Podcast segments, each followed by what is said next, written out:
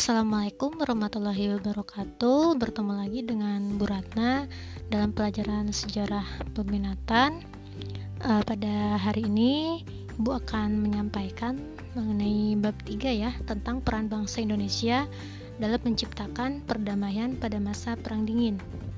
Pada hari ini kita akan bahas mengenai Perang Dingin. Nah, Perang Dingin ini tidak lepas dari dampak Perang Dunia II, di mana berakhirnya Perang Dunia II ini tidak menjamin keamanan seluruh bangsa yang ada.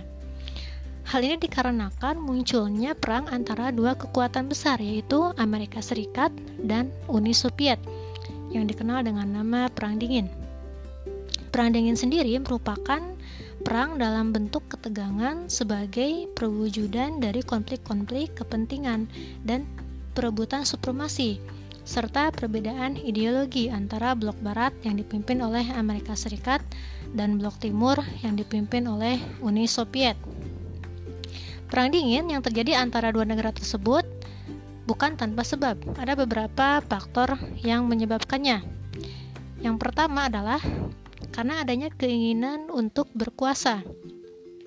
Peperangan yang terjadi karena adanya keinginan untuk menunjukkan siapa yang paling kuat sehingga layak untuk berkuasa. Amerika Serikat dan Uni Soviet mempunyai keinginan menjadi penguasa di dunia dengan cara-cara yang baru. Amerika Serikat sebagai negara kreditor besar membantu negara-negara yang sedang berkembang. Bantuan tersebut berupa pinjaman modal untuk pembangunan dengan harapan bahwa rakyat yang makmur hidupnya dapat menjadi tempat pemasaran hasil industrinya dan dapat menjauhkan pengaruh sosial komunis. Di sisi lain, Uni Soviet yang mulai ketat ekonominya juga tidak mau kalah membantu perjuangan nasional berupa bantuan senjata atau tenaga ahli. Hal ini dilakukan untuk mempengaruhi negara-negara tersebut. Kemunculan dua blok ini ditandai dengan adanya persaingan-persaingan atau kepentingan yang tajam. Tegangan paling awal dari persaingan ini dikenal dengan sebutan Cold War atau Perang Dingin dimulai sejak pembagian Jerman menjadi dua wilayah yaitu Jerman Barat dan Jerman Timur. Pembagian dua Jerman pasca Perang Dunia II ini berakibat kepada pembagian kota Berlin menjadi Berlin Barat dan Berlin Timur. Berlin Barat dikuasai oleh Amerika Serikat, Inggris, dan Prancis, adapun Berlin Timur dikuasai oleh Uni Soviet. Yang kedua, karena adanya perbedaan paham. Setiap negara dunia ini memiliki paham atau ideologi yang menjadi dasar dalam menjalankan kehidupan negaranya. Oleh karena itu, jika ada negara yang memaksakan pahamnya untuk dijalankan oleh negara lain, maka negara tersebut tentunya tidak akan mudah untuk menerimanya. Hal ini yang menjadi penyebab terjadinya perang dunia perang dingin.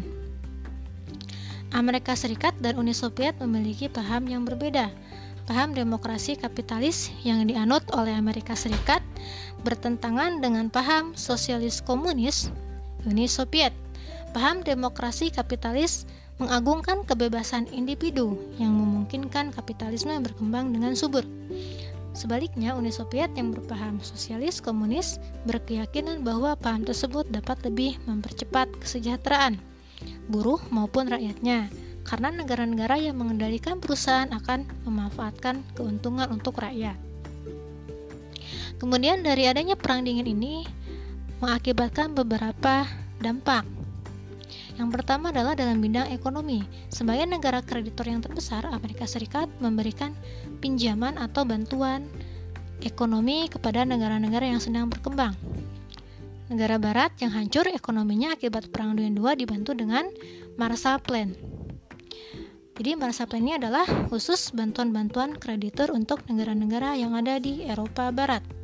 Di samping itu ada negara yang memperoleh Grant in Aid yaitu bantuan ekonomi dengan kewajiban mengembalikan berupa dolar atau membeli barang-barang Amerika Serikat.